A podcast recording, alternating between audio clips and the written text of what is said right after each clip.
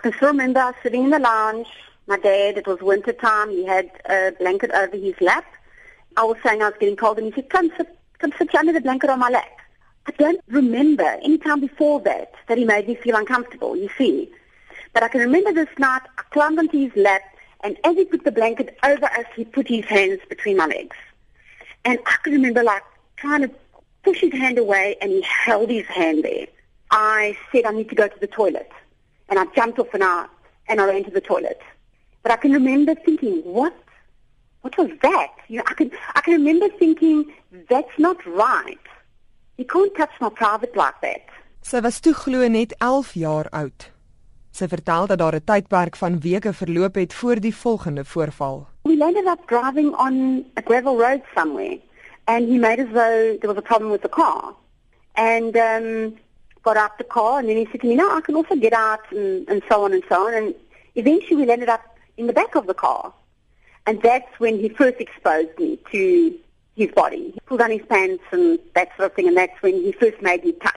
Van daar vertel die 45-jarige vrou het dit net al hoe erger geword en oor die volgende 6 jaar is sy glo herhaaldelik gemolesteer en deur haar pa verkrag totdat haar sussie besluit het om hulle ma daarvan te vertel.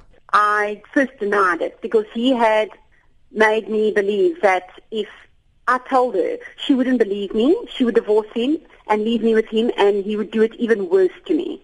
So I was fearful. I didn't know what to expect. So when my sister told her, I first denied it, my mom sat me down and said to me, my child, you know, you can talk to me about anything and I will believe you. Tell me the truth. And then I told her and she packed our bags immediately and we left.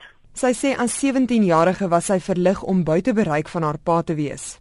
Al wat sy glo wou doen was om te vergeet. Sy sê haar ma wou die saak by die polisie aanmeld, maar sy as slagoffer wou nie hê enige iemand anders moes daarvan weet nie. 28 jaar het verloop voordat sy die moed bymekaar geskraap het om teen haar beweerde verkragter op te staan. Haar pa sal op 29 April in die hof op Uitenhag in die Wes-Kaap verskyn. Sy sê wat vir haar ontstellend is, is dat haar pa weer getroud is en dat hy 'n tienerdogter in sy sorg het. Sy het glo die kind se ma probeer waarsku, maar die vrou wil haar nie glo nie. I'm 45 years old. And to this day, this man has got control of my life because of what he did to me. And it's time that I take control, but where do I start? So I went to the police, I made a chart, you know, all that sort of stuff.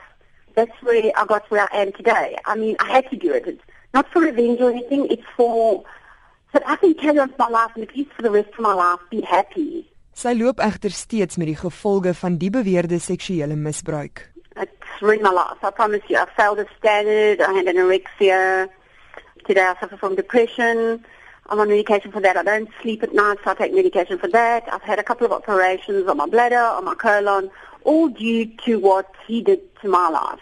Miranda Friedman van die organisasie Women and Men Against Child Abuse sê dapper vroue soos die spoor ander slagoffers aan om ook hulle stories te vertel. I think one of the things that we have seen, particularly I would say in the last 2 years, is a growing number of adult survivors who are, are feeling more courageous. Uh, and, and I think this has to do with the fact that more and more people are speaking out and that we see the media covering a lot more stories and people feel that the time is come now that they are no longer prepared to live with this and that they, they feel that this is really not about their shame, but in fact the shame has to be with the perpetrator and the person that took advantage of them. Miranda Friedman van Women and Men Against Child Abuse.